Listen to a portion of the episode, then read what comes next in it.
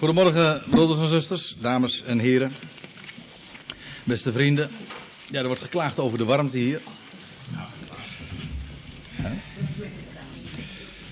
Het feest van licht en warmte. Hm? Ik stel voor dat we met elkaar wederom Lucas 2 lezen. Een aantal van u waren hier vorige week ook. Daarmee heb ik niks te veel gezegd, toch? En toen was ik hier ook. En toen stond ik ook op deze plaats. En toen heb ik ook verwezen naar Lucas 2. Niet naar het gedeelte waarvan u zou denken dat ik naar zou verwijzen. Namelijk naar het verhaal, de geschiedenis rond de geboorte van de Heer Jezus. Maar wel heb ik gesproken over zijn geboortedag. En daarbij heb ik met name uw aandacht gevraagd voor wat we lezen in Lucas 2, vers 42. Waar letterlijk staat dat de Heer Jezus, toen hij twaalf werd, optrok naar het feest in Jeruzalem. Niet dat hij twaalf was geworden, zoals de meeste vertalingen dat weergeven, maar toen hij twaalf werd. Dat wil zeggen, de Heer Jezus werd twaalf enige dagen voordat de Heer, eh, voor het paasfeest en we hebben daar met elkaar wat meer over nagedacht. De betekenis daarvan en ook een precieze datum daarvoor vastgesteld. Met enige bescheidenheid moet ik dat natuurlijk zeggen, maar daar komt het dan toch in elk geval op neer. En bovendien hebben we dan ook daarbij stilgestaan bij de enorme betekenis die daaraan vastzit. En ons gerealiseerd dat de Heer Jezus het lam van God is. De tiende Nisan, dat, was de, dat is ergens in maart, april, dat was de dag dat de Joden enige dagen voor het paasfeest een lammetje in huis namen om het dan een aantal dagen later te slachten met het Pesach. Wel, de Heer Jezus is geboren kennelijk, zo begrijpen wij uit dit gedeelte en ook uit de zinnebeeldige betekenissen die daaraan vastzitten, op die tiende Nisan, op die dag voor het Pesach, het Joodse Pasen. Nou, daar ga ik natuurlijk niet opnieuw over spreken, maar ik vond het wel jammer dat ik eigenlijk niet meer over dat gedeelte kon vertellen. Wat we vinden in Lucas 2 dat de Heer Jezus als twaalfjarige jongen naar de tempel ging. Maar dat is dan weer het grote voordeel als je dan twee keer achter elkaar hier bent. Want dan kun je alsnog, zeg maar, datgene wat je niet kon vertellen in één keer, de tweede keer alsnog goed maken. Wel, dat wil ik vanmorgen graag met u doen. Dus we hebben het niet zozeer over de geboorte van de Heer Jezus en de gebeurtenissen daaromtrent, maar wel uh, wat we vinden dus in Lucas 2 en ik lees vanaf vers 40. Daar staat, het kind, of eigenlijk staat er de jongen, die groeide op en hij werd krachtig en werd vervuld met wijsheid. En de genade van God was op hem. En zijn ouders reisden elk jaar naar Jeruzalem op het paasfeest. En toen hij. Nou ja, goed. Ik lees even voor zoals het in de, staat, zoals het in de MBG-vertaling was. De verbeterde versie hebben we inmiddels al uh, uh, breder besproken. En toen hij twaalf was geworden en zij, zoals bij dit feest gebruikelijk was, optrokken en de feestdagen voleindigd hadden, bleef het kind Jezus bij hun terugreis te Jeruzalem achter. En zijn ouders bemerkten het niet. Daar zij vermoedden dat hij bij het reisgezelschap was, gingen zij één dagreis ver en zochten hem onder de verwanten en de bekenden. En toen zij hem niet vonden, keerden zij terug naar Jeruzalem. Hem zoekende, pardon, ze, trok, ze trokken terug naar uh, Jeruzalem, hem zoekende, zo was het.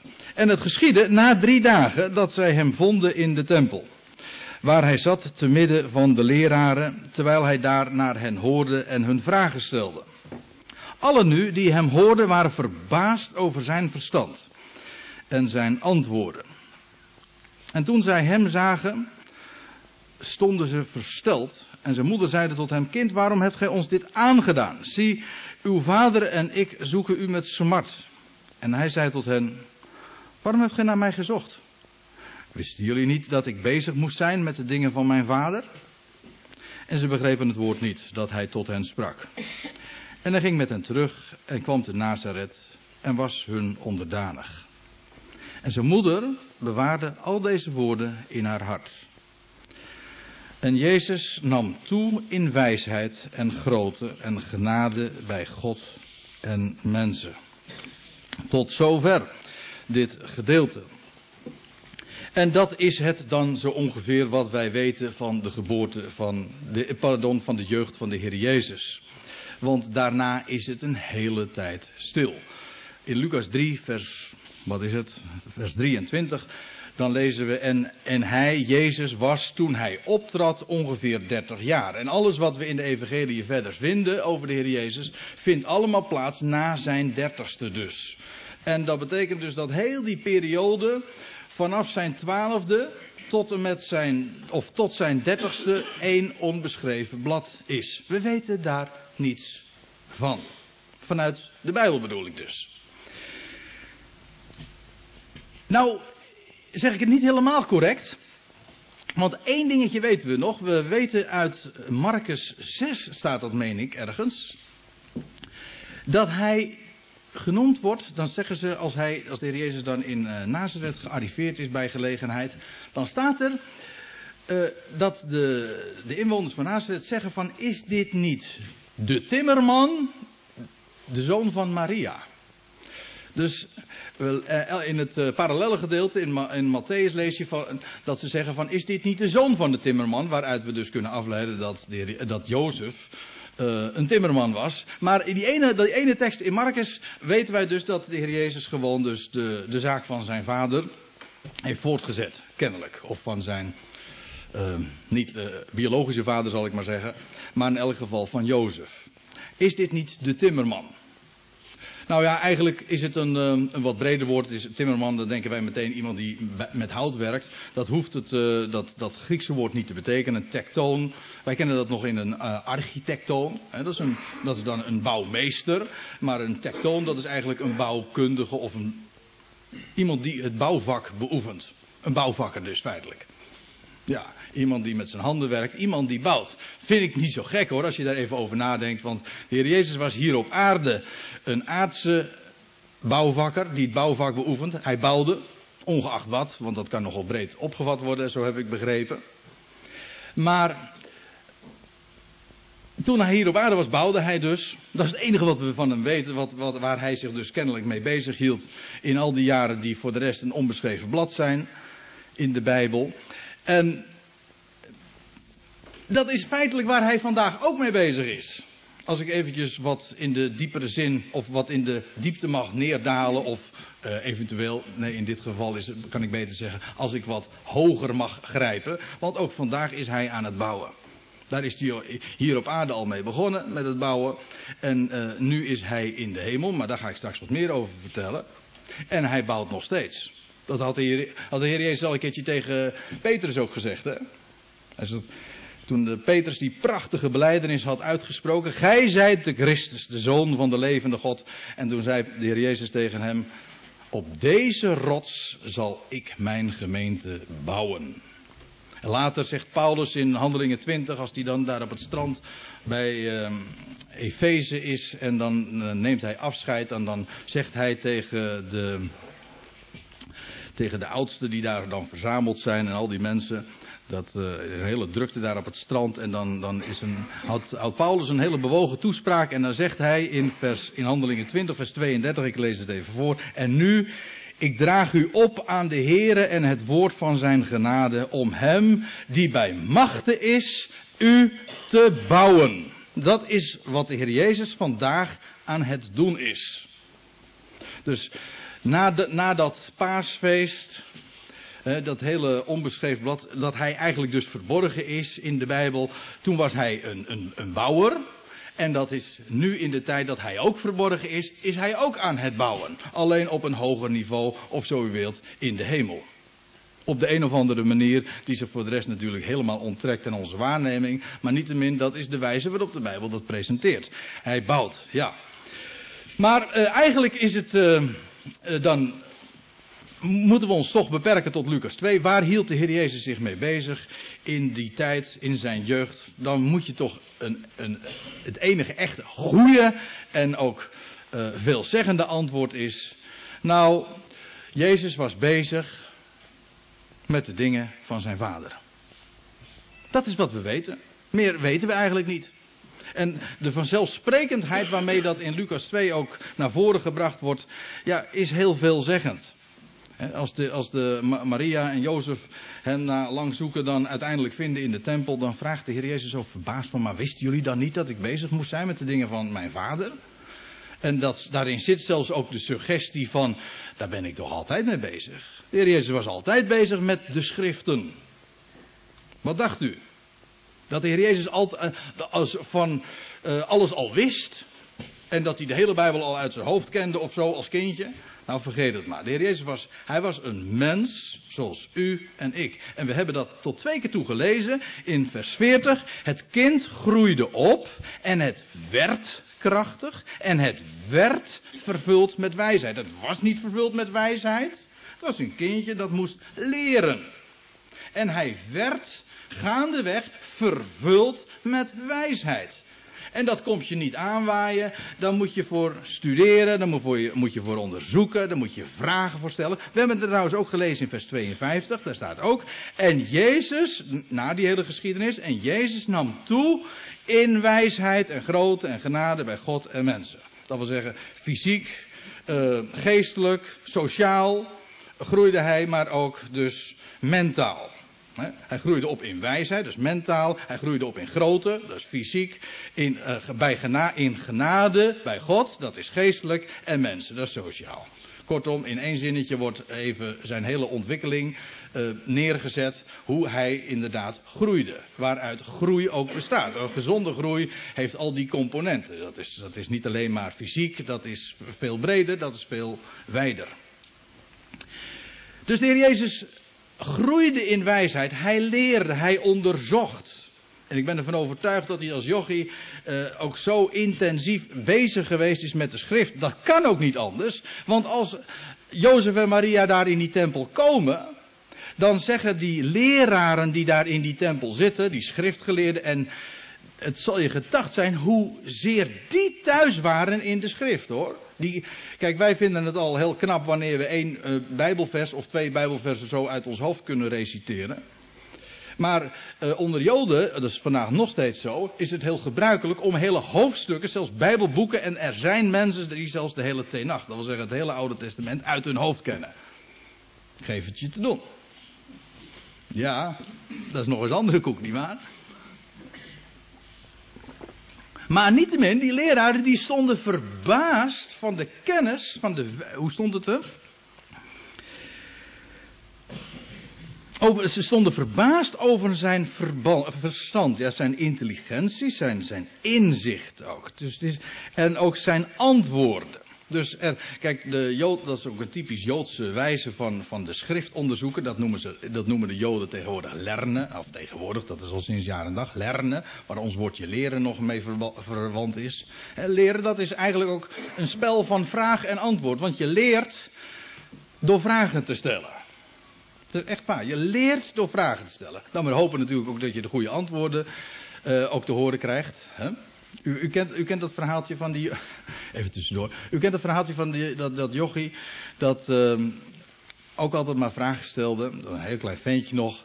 En die stelde altijd maar vragen aan zijn vader. Maar die vader die was niet zo heel erg bij de tijd. Die was niet, was niet zo geleerd. Dus die moest altijd op die goede vragen van zijn, zoontje, van zijn zoontje. Moest hij het antwoord schuldig blijven. En moest hij zeggen: Ja, dat weet ik niet, jongen. Maar papa, hoe zit dat dan? Ja, ja, ja nou, dat weet ik niet. Maar papa, hoe zit dat dan? Ja, ja, weet ik niet. Nou, op een gegeven moment, die moeder die was erbij en die zegt op een gegeven ogenblik... Uh, ja, hou nou toch eens een keertje eventjes op met dat vragen stellen. En weet u wat papa toen zei? Van, laat hem maar vragen stellen, daar leert hij van.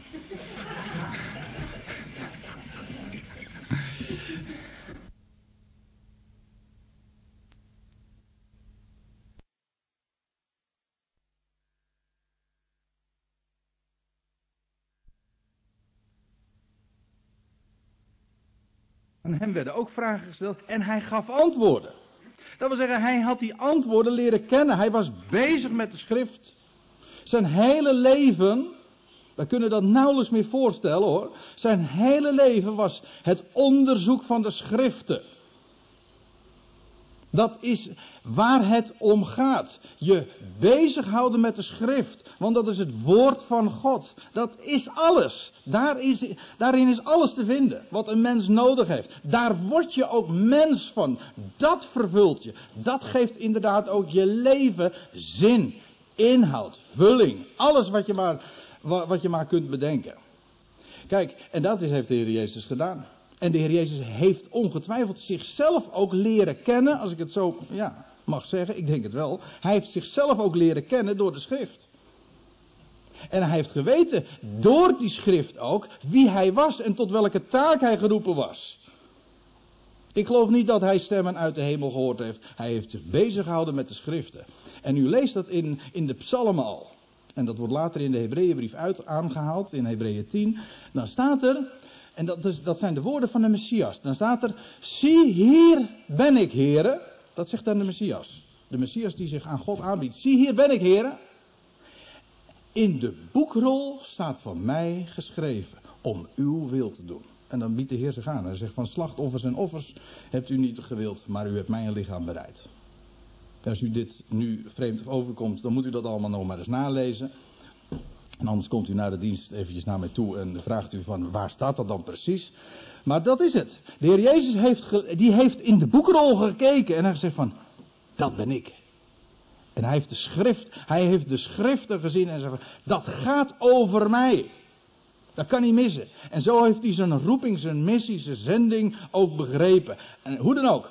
Hij heeft geleerd. Hij heeft zich bezig gehouden met de schriften. En vandaar ook dat hij zo'n enorme kracht had. Je leest ook van later, als hij als 30-jarige dan gaat optreden, dat de mensen onder de indruk zijn. Ook de schriftgeleerden, die, die, die onderkenden heel duidelijk het verschil. Waarom? Hij sprak met gezag. De Heer Jezus verdedigde zich niet.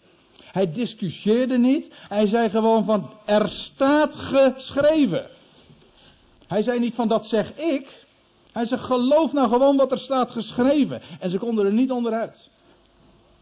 Dat heeft zo'n power. Dat geldt trouwens voor ons ook.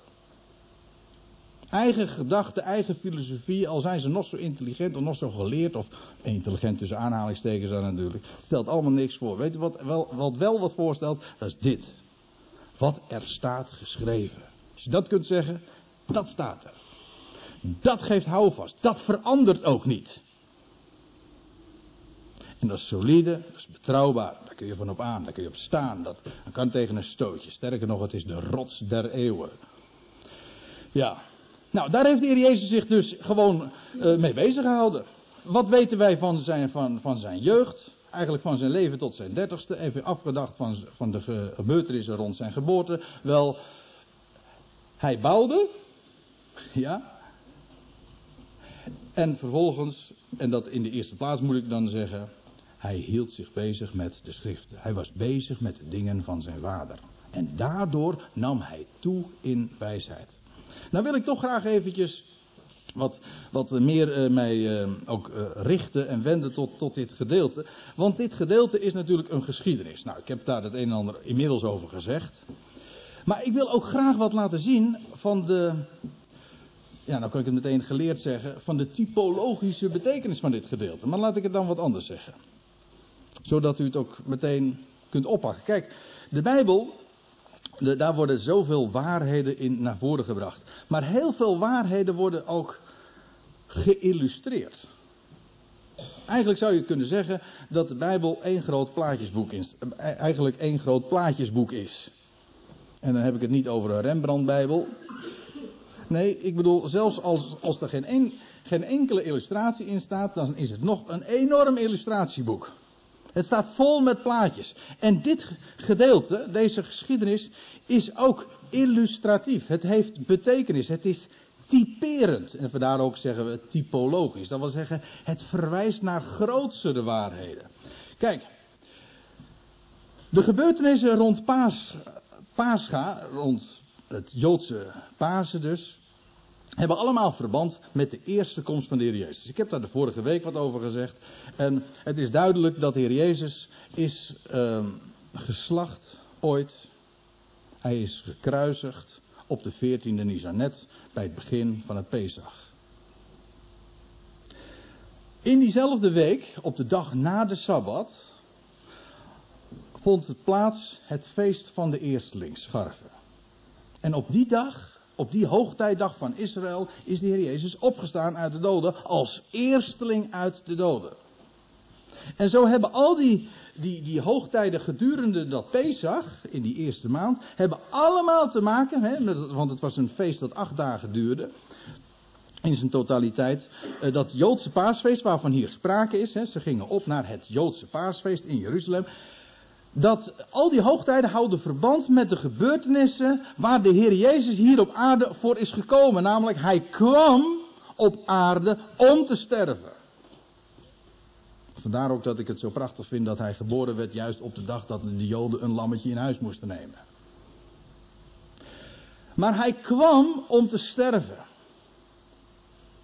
En, ja, en waarom stierf hij? Nou, het, het meest basale antwoord. Hij stierf om de dood te niet te kunnen doen. Dat, dat is eh, heel logisch, hè? Je kunt pas de dood overwinnen als je eerst die dood ingaat. Wel, hij heeft de dood overwonnen als eersteling toen hij het graf leeg achterliet. Maar dat vond allemaal plaats tijdens dat Joodse paasfeest. Nou, dat paasfeest spreekt dus van zijn eerste komst. Van zijn lijden, zijn sterven en vooral ook van zijn opstanding. Maar deze geschiedenis gaat eigenlijk niet zozeer over het paasfeest, maar wat er plaatsvond na dat paasfeest. Want dan lees je, als die dagen voleindigd zijn, als dat paasfeest dan eh, voorbij is, dat ze dan weer terugkeren naar de plaats waar zij vandaan kwamen, in dit geval Nazareth. En als het paasfeest nou spreekt van de eerste komst van Christus en van het werk dat hij volbracht heeft, en van de opstanding en van het nieuwe leven dat hij aan het licht bracht. Als het paasfeest nou spreekt van zijn eerste komst, waar zou dan na de tijd na het paasfeest van spreken? Dat spreekt logischerwijs dan ook van de tijd na zijn eerste komst. En dat is ook zo. De tijd na dat paasfeest spreekt van, zijn, van de tijd na zijn eerste komst. Dat wil zeggen van de tijd dat hij verdwenen is. Het toneel verlaten heeft. Dat zie je dus hier ook. Daarom is deze geschiedenis ook illustratief voor de tijd waarin wij leven. Dat wil zeggen, het heeft het sterven en de opstanding van de Heer Jezus, dat wil zeggen waar het paasfeest een beeld van is, dat ligt achter ons. Zijn eerste komst is verleden tijd. En wij. En waar, in welke tijd bevinden wij ons nu? De vraag is, en dat is, dat is echt de vraag, dat is niet alleen de vraag voor, voor het volk van Israël, waar is de Messias, maar eigenlijk is het de vraag voor iedereen die iets weet van de Messias en van Jezus Christus en van al die mensen die rond deze dagen ook dan weer zingen, uh, vrede op aarde. Ik, uh, ik, ik, noem expres even dat. Want juist het kerstfeest leent zich altijd heel erg sterk. Dat blijkt ook uit allerlei toespraken die dan weer gehouden worden. Al is, of het nou de paus of de koningin of weet je veel wie is. Uh, om dan te spreken over sociale gerechtigheid, de situatie in de wereld. En dat wij vooral toch maar uh, wat moeten doen om dat, dat koninkrijk gestalte te geven. Ja, ik, ik ga dan vanzelf een beetje gedragen spreken, begrijp wel. Ja, ik, want dat is ook heel gedragen, want dat kun je natuurlijk zo, uh, uh, zo rond deze donkere dagen dan mooi naar voren brengen. Dat, wij, dat voor ons toch een taak uh, weggelegd is om in deze wereld dat koninkrijk van vrede en gerechtigheid vorm te geven. En door sociale of politieke en maatschappelijke actie om de krachten te bundelen en om, nou ja, om te gaan bouwen aan een betere wereld. Want ja, uh, die engelen zongen daarover, maar uh, de Messias is dan weliswaar gekomen. Hij is 2000 jaar geleden geboren. Maar wat zien wij nu, 2004, van die vrede? Is dat koninkrijk dichterbij gekomen in die zin van dat wij er nu meer van zien dan toen? Dacht het niet. Of wel? Nee toch? Het is nog, nog steeds is de, de vraag is, waar is dat? Waar is die vrede dan? Waar ooit over gezongen werd daar in de velden van Efrata. Waar is dan die Messias? Waar bevindt hij zich? Het werk is volbracht, dat is duidelijk. Maar dat koninkrijk, komt daar nog wat van? En omdat dat dan maar uitblijft, hebben we, hebben we gedacht van nou ja, dan moeten we het zeker zelf doen. En dus doen we ons best om dat koninkrijk hè, vorm te gaan geven en breekt, het breekt bij de handen af. En we denken en we zoeken het hier op aarde. En daarin zie je nou precies dat we verkeerd zitten, want daar moet je toch helemaal niet zoeken. Het is precies zoals onze broeder Peter vanmorgen al zei. Wij zouden zoeken de dingen die boven zijn. Waar Christus is. Want dat is dan toch de hamvraag. Waar is hij dan nu? Hij laat zich niet zomaar vinden. Ja, dat klinkt misschien een beetje vreemd, maar dat is echt. Hij laat zich zomaar niet vinden. En mensen zoeken het in van alles. Je hebt nu momenteel zelfs een hele serie programma's hè, op de televisie van de EO. Hè. Mensen zoeken God, of mensen zoeken Jezus. En dan zoeken ze hem ook eigenlijk in, uh, ja, ook in aardse Vooral in gevoel is mij, is mij gebleken. Nou, daar zullen we verder maar niet te veel over hebben. Maar men zoekt hem overal, behalve waar die, waar die te vinden is. Het punt is, de Heer Jezus is vandaag na het paasfeest, na zijn eerste komst, is hij gewoon verdwenen. Hij is er niet. Hij is kwijt. Hij zoekt. En de vraag dringt zich dus op: waar is hij dan? Kijk, Jozef en Maria, dat moet ik nog even erbij zeggen. Jozef, eh, vooral Maria is een beeld van het volk waaruit Jezus voortkomt. Hè, zijn moedervolk. Jozef eventueel van het vaderland van Jezus. Hè, en, en, en, Jozef, en, eh, maar Maria in elk geval een, een beeld van het volk waaruit Jezus voortkomt. Namelijk het Joodse volk, het volk van Israël. Daaruit kwam hij voort. Die is, die is al 2000 jaar de, uh, de Messias aan het verwachten. De Messias is zoek. Waar is hij dan? En men zoekt hem driftig. Maar men vindt hem niet. En de Bijbel zegt waar hij is. Kijk, en dit gedeelte illustreert die waarheid. Hij is er wel, weet je waar hij is? Als je het goed zegt, dan, je, dan, begrijp je meteen wat ik, uh, hoe de Bijbel dat naar voren brengt. Hij is in het heiligdom. Of zal ik het nog anders zeggen met de woorden van de Hebreeënbrief? Hij is in het binnenst heiligdom. Hij is in de woning van God. U weet, de Bijbel uh, spreekt over de tempel, hè? over de tempel hier op aarde. Dat is dan, maar uiteindelijk is die tempel op aarde, maar ook de tabernakel die we eerder in de Bijbel aantreffen, is eigenlijk een beeld van de woning van God. Maar feitelijk verwijst het naar de hemel. De hemel waar de Heere God woont.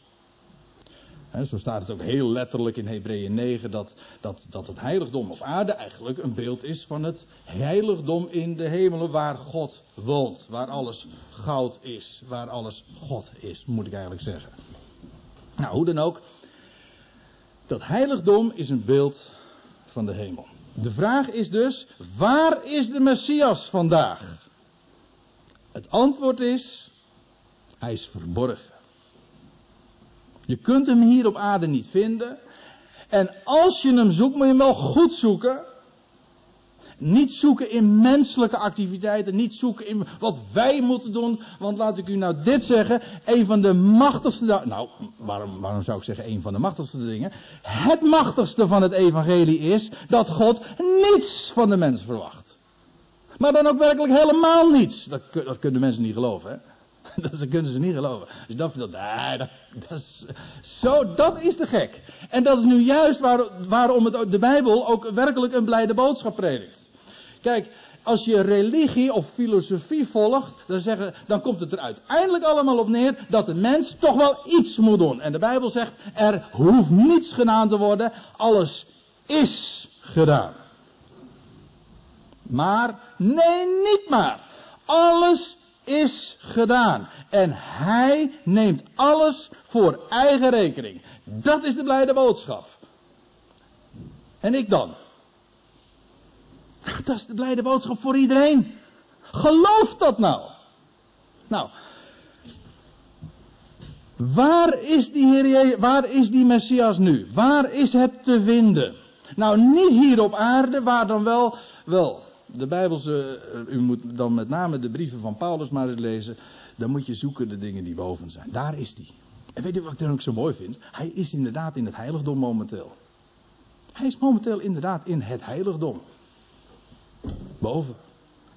En er staat er nog bij, toen Jozef en Maria hem uiteindelijk vonden, weet, ja, over de tijdstips, daar hebben we het nog even over. Maar toen ze hem vonden, dan lees je, ze vonden hem in de tempel, in het heiligdom, zittende. Ja, nou dat is precies wat, uh, wat, wat ook van de Heer Jezus in onze dagen gezegd kan worden. Hij zit.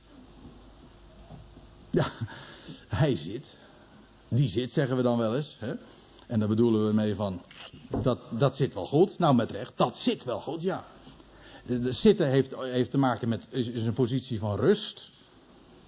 je gaat zitten wanneer het werk gedaan is. Nou, precies. Dat bedoel ik. Het werk is gedaan. Het is volbracht. Hij kan gaan zitten. Het is bovendien nog een troon ook. Hij zit daar. In rust. Ja, u denkt, een heleboel mensen denken dat God. Ik, ik, van de week hoorde ik dat nog, uh, dat verhaal weer van een ander, van mijn schoonvader hoorde ik dat, van een predikant.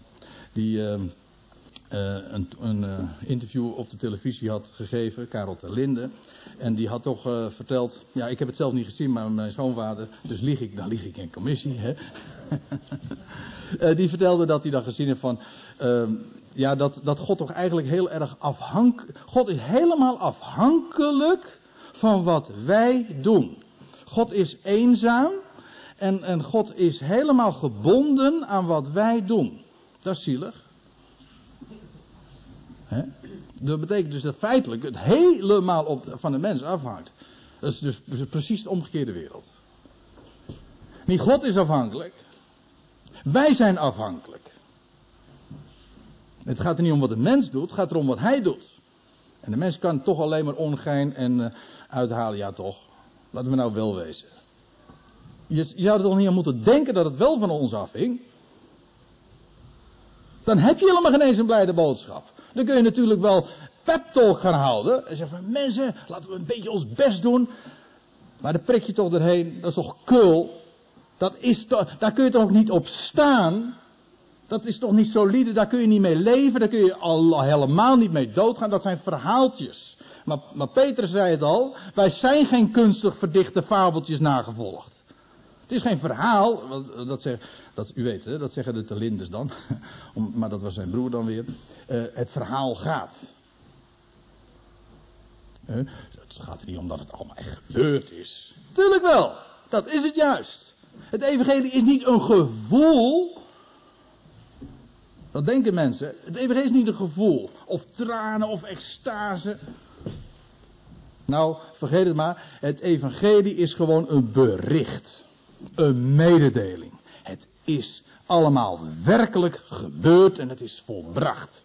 En dat kun je tot tranen toe mee bewogen zijn. En al ben je dat niet, dat maakt het niet uit. Het blijft een blijde boodschap. Het staat helemaal los van de wijze waarop wij erop reageren. Dat is trouwens al per definitie heel subjectief. Want de een zit nu eenmaal anders in elkaar dan de ander. Maar het is een blijde boodschap. Dat is gewoon een objectieve vaststelling.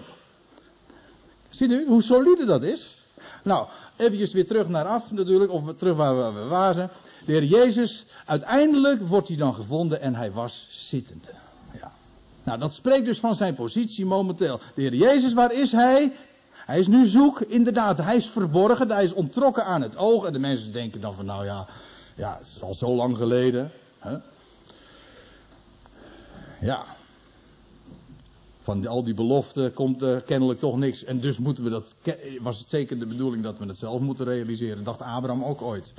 En toen het allemaal zo lang duurde dat Gods eh, belofte nog steeds niet vervuld was, dacht Abraham van nou, dan moet ik het zeker op een andere manier zelf gaan doen. Nou ja, daar zitten ze nu nog mee in het Midden-Oosten, denk ik dan. Hè? Met die ellende.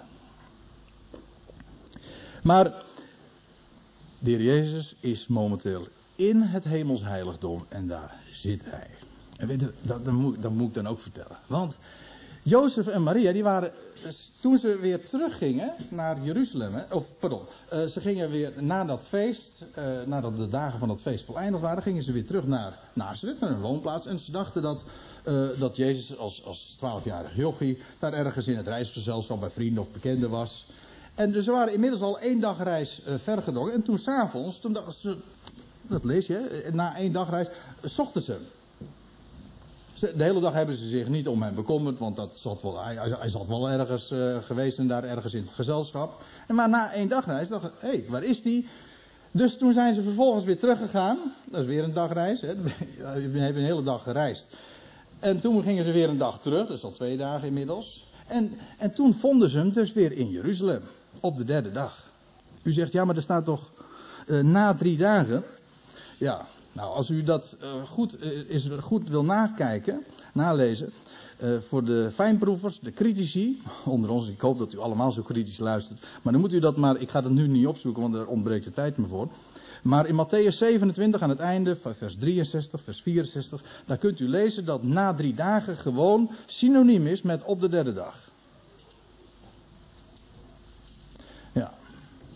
Dus je leest van de Heer Jezus aan de ene kant uh, dat hij na drie dagen opstond, maar je leest uh, net zo goed, hij stond op, op de derde dag. Na drie dagen is gewoon synoniem daarmee.